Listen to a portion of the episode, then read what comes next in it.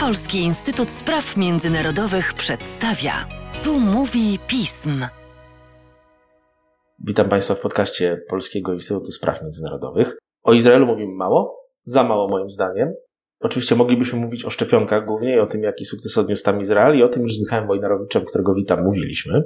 Dzień dobry.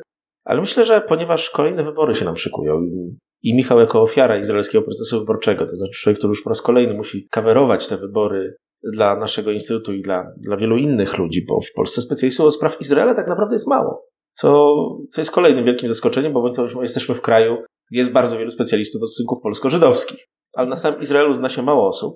Michał doszedł do wniosku, że warto byłoby nam zaprezentować przed wyborami, jakie są naprawdę możliwości wyborów dla izraelskiego społeczeństwa. I jakie są izraelskie partie polityczne, czym one się od siebie różnią, bo też w Polsce nawet dość poważni publicyści stosują w tej sprawie bardzo dużą ilość uproszczeń. I stąd moje pierwsze pytanie, Michale, do ciebie. Jakie właściwie mamy w tej chwili najważniejsze partie polityczne w Izraelu? System partyjny y, to historia podziałów, rozwodu, tworzenia bytów tuż przed wyborami, mniej lub bardziej szczęśliwych. Jest nawet takie zbiorcze określenie na te partie, partie balonowe, które pompują się jak balon, zdobywają sporo, sporo mandatów, ale niekoniecznie to przekłada się na utrwalenie swojej pozycji w e, systemie politycznym. Do najbliższych wyborów y, startuje 39 partii. Idąc może od tych naj, najsilniejszych, najważniejszych na prawicy, to. Ciągle Benjamin Netanyahu kieruje najważniejszą? Ciągle, ciągle, zdecydowanie. Król Bibi, jak to ta nazwa do niego mocno, mocno przygnęła. Znowu ci wejdę w słowo, czy pobił już Ben Guriona pod względem długości urzędowania? Tak, tak, pobił, pobił, idzie, idzie na każdy nowy dzień wyznacza kolejny rekord. Jak u Elżbiety II. Więc jego partia to Likud, partia z, z długą tradycją prawicowa, reprezentująca przede wszystkim tą ludność e, sefardyjską, mizrachijską. Izraelu, przy czym no, kierownictwo tej partii, to historyczne i to obecne, no i przedstawiciele elit raczej aszkenazyjskich, fakt związany bardziej z tym cynizmem rewizjonistycznym, ale z faktu, że kierownictwo, a, a doły partyjne się jednak troszeczkę, troszeczkę e, różniły. Tak jak wspomniałem, partia raczej mocno na prawo, podkreślając o ten sionistyczny żydowski wymiar państwa, e, państwa Izrael, neoliberalna, chociaż tu się różne nurty mhm. wewnątrz partii e, ścierają. Ale... Bo te wszystkie tradycyjne instytucje postsocjalistyczne, które Izrael wypracował w ciągu 70 lat niepodległości, nie są przedmiotem ataku Likudu, mam wrażenie. Wciąż są, ponieważ ta partia, mimo że od 10, już no, do dłuższego czasu jest u władzy, ma ciągle ten rys taki antyelitarny, typu polityczny, antyaszkenazyjski, więc jak trzeba e, wytknąć e, złym elitom, bycie złymi elitami, to, to e, ministrowie Likudu są ku temu pierwsi.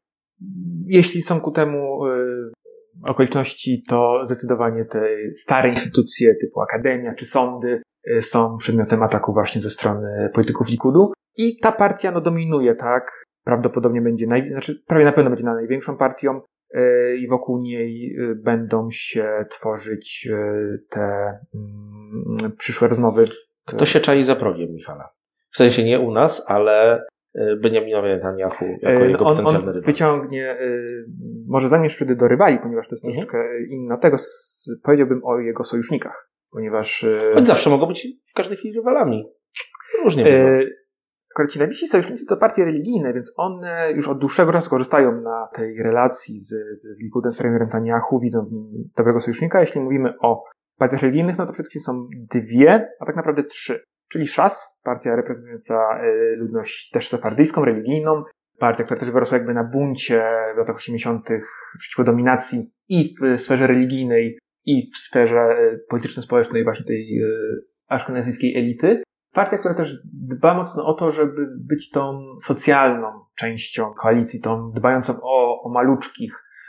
Jej lider Ariederi właśnie mocno podkreśla, że on jest tym partnerem, który dba o to, żeby ten neoliberalizm nie pochłonął doszczętnie Benjamin Netanyahu. A drugą nóżką jest y, jakby podwójna gałąź, czyli Zjednoczony Judaizm Tory, na który składa się sztandartory, partia Litwaków, Mitnagdim, czyli tego y, religijnego, litewskiego odłamu religijnej i y, Agudat Izrael, która reprezentuje z kolei Hasydów. Priorytetem tej partii jest przede wszystkim zabezpieczenie społeczne, zabezpieczenie finansowe dla swojej, e, dla swojej e, społeczności, fundowanie jesziw, e, zagwarantowanie, że to ortodoksyjny judaizm jest tym dominującym nurtem kierującym różnymi sferami życia w Izraelu.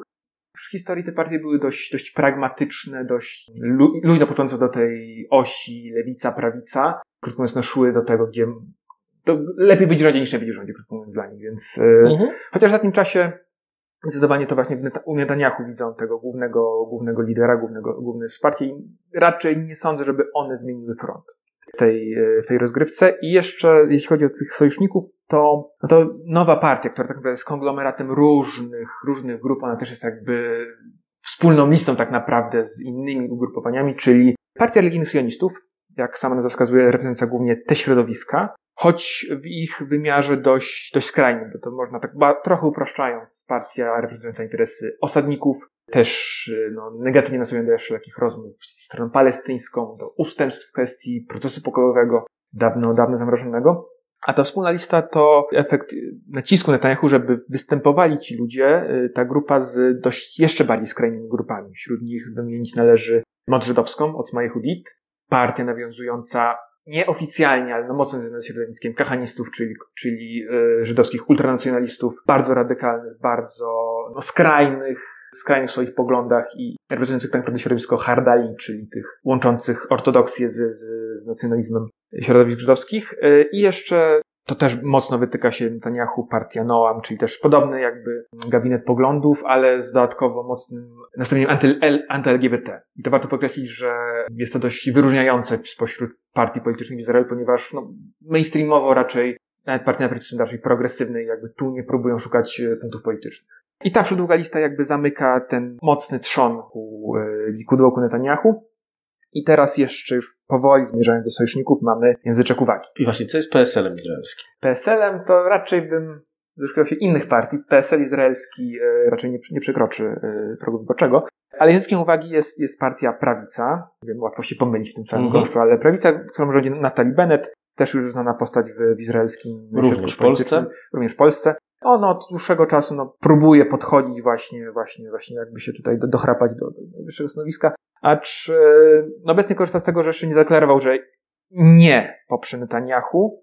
Głośno mówi, że chce zastąpić premiera, ale nie, że nie wejdzie z nim do koalicji, więc ma większe pole maneru niż reszta opozycji. No, zbiera poparcie głównie na e, dość sensownych pomysłach na, na, e, na walkę z koronawirusem, zbiera też poparcie stanu przedsiębiorców, jakby tu szuka swojego elektoratu obok tradycyjnego właśnie religijno-sionistycznego, puszczając oczko do rozszarowanego elektoratu I do, do, do, do świeckiej części, a już tu nowym challengerem jest y, były bliski współpracownik y, premiera Taniahu, Gideon Sar, jego nowa partia Nowa Nadzieja.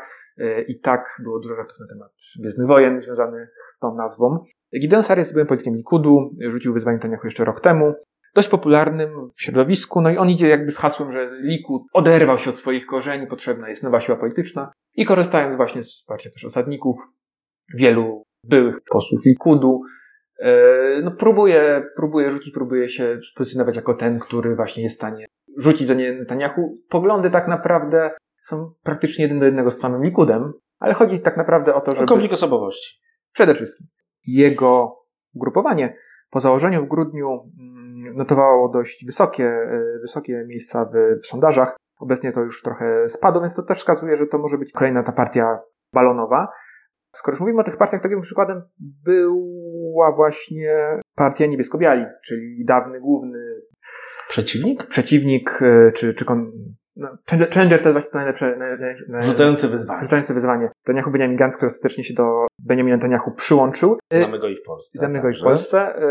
Przy czym no on ciągle ma dość mocne zaczepienie w, w tym rządzie. To jest skutek jakby tych bardzo daleko idącej umowy ko koalicyjnej i mimo, że notuje się tak minimalnie nad progiem, progiem wyborczym, to, to nie chce rezygnować. Twierdzi, że jest jakby ostatnią barierą, żeby, która powstrzymuje Netanyahu przed totalnym zawładnięciem całym systemem rządowym, partyjnym. Jest to usprawiedliwienie często pojawiające się wśród y, tak zwanych przystawek.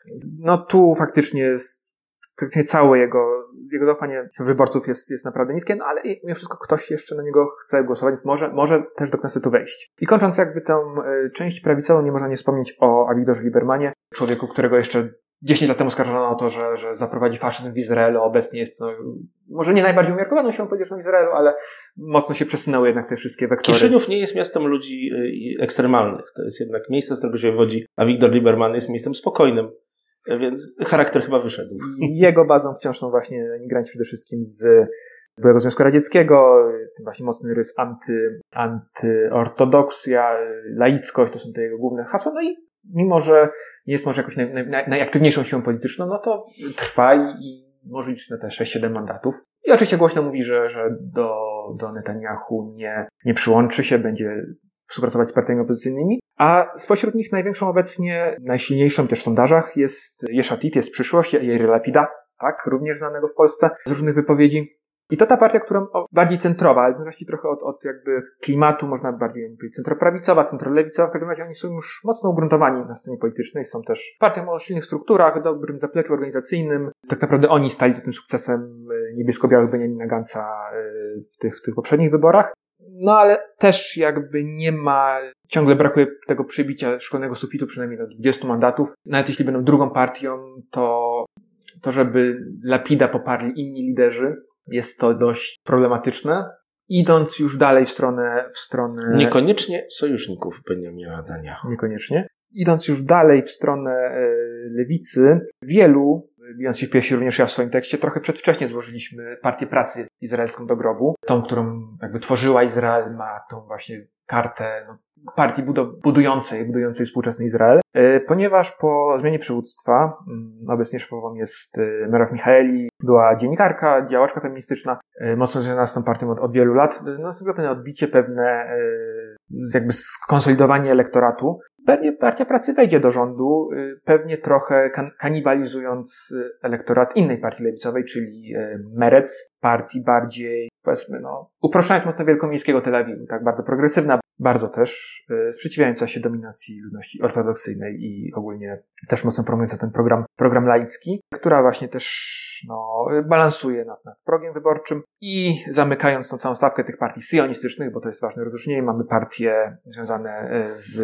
listą arabską, mamy e, Hadasz, czyli partia komunistyczna arabsko-izraelska, mamy partię Balad, czyli klimat arabskiego nacjonalizmu, też świecka partia i Tal, który również właśnie reprezentuje ludność arabską. I one tworzą zjednoczoną listę, Ważne rozróżnienie. Y, kiedyś był też czwarty gracz, Zjednoczona Lista Arabska, czyli partia, partia konserwatywna, islamistyczna, która no, miała nie, nie po drodze do tych ugrupowań, które no, właśnie były bardziej na lewo i ona też pewnym podjudzeniem ze strony Benjamin Netanyahu. Rozstała się, startuje osobno. Mówiło się dużo o tym, że oni mogą ewentualnie jakąś nawiązać współpracę pragmatyczną, bo poglądowo pomiędzy właśnie to rozróżnienie judaizm, islam. Oni są y, bardzo bliskie do Likudu czy do innych, innych partii. Nie wykluczają, więc to są te najważniejsze grupy. Spośród tej drobnicy można jeszcze wspomnieć o nowej partii ekonomicznej, która też nam notuje tam procent 2, 2, 2 w sondażach. Mamy partię piratów, partię zielonych. Mamy nawet partię, to bardzo, bardzo ciekawostka, którą założyła żona Igala Amira, czyli zabójcy premiera y, Itzhaka. Który dalej przebywa w więzieniu. Który dalej przebywa w więzieniu, na liście nie jest, na liście jest jego żona, a celem tej partii jest tylko, y, parę nazywa się bodajże Sprawiedliwy Proces, więc jakby chodzi o zwolnienie go z więzienia. No już 26 lat siedzi. No jest to, jest to margines marginesów, żeby nie powiedzieć tylko plankton polityczny, ale w poprzednich wyborach tysiąc osób na nie zagłosowało, tak? Nie jest to może jakkolwiek imponująca liczba, ale już do autobusu nie wejdą, więc... Jest to bardzo, podsumowując Michale, świat rozdrobniony. Tak. Y, ilu Kneset ma członków? 120. Czyli też partii nie mających dużej ilości miejsc, ale mi to tak trochę przypomina to polskie życie polityczne z czasów pierwszej kadencji Sejmu w latach 90. Zostaliśmy zdominowani przez wielkie partie. Czy to jest w Izraelu norma, takie rozdrobnienie, czy też to jest dopiero efekt ostatnich 20-30 lat? Rozdrobnienie było zawsze, przy czym jakby głównej sile politycznej wówczas Partii Pracy udawało się utrzymać dominację. Potem to szło bardziej w dwublokowość, ale tak, partii było zawsze dużo, one się dzieliły, łączyły. Troszeczkę uspokoiło sytuację podniesienie progu wyborczego w, w ostatniej dekadzie. Już nie było to 1%, tylko tam 3,25%. U nas 5, przypominam.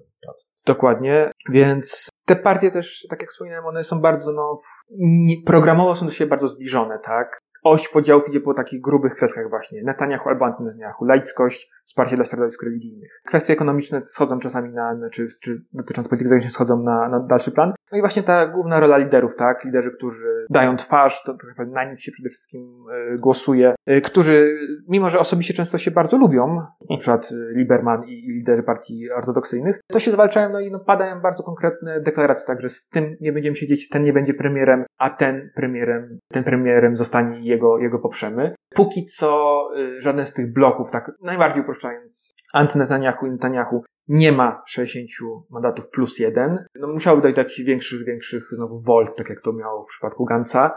Y, co zwiększa prawdopodobieństwo kolejnych, kolejnych wyborów na, na jesieni. które znowu będzie Państwu analizował i o których będzie opowiadał Michał Wojnarowicz. Z tej stabilizacji czasami nie jesteśmy tak do końca zadowoleni, bo ona stopuje kreatywność. Michale, dziękuję Ci bardzo za dzisiejszy podcast. Bardzo dziękuję, Łukasz.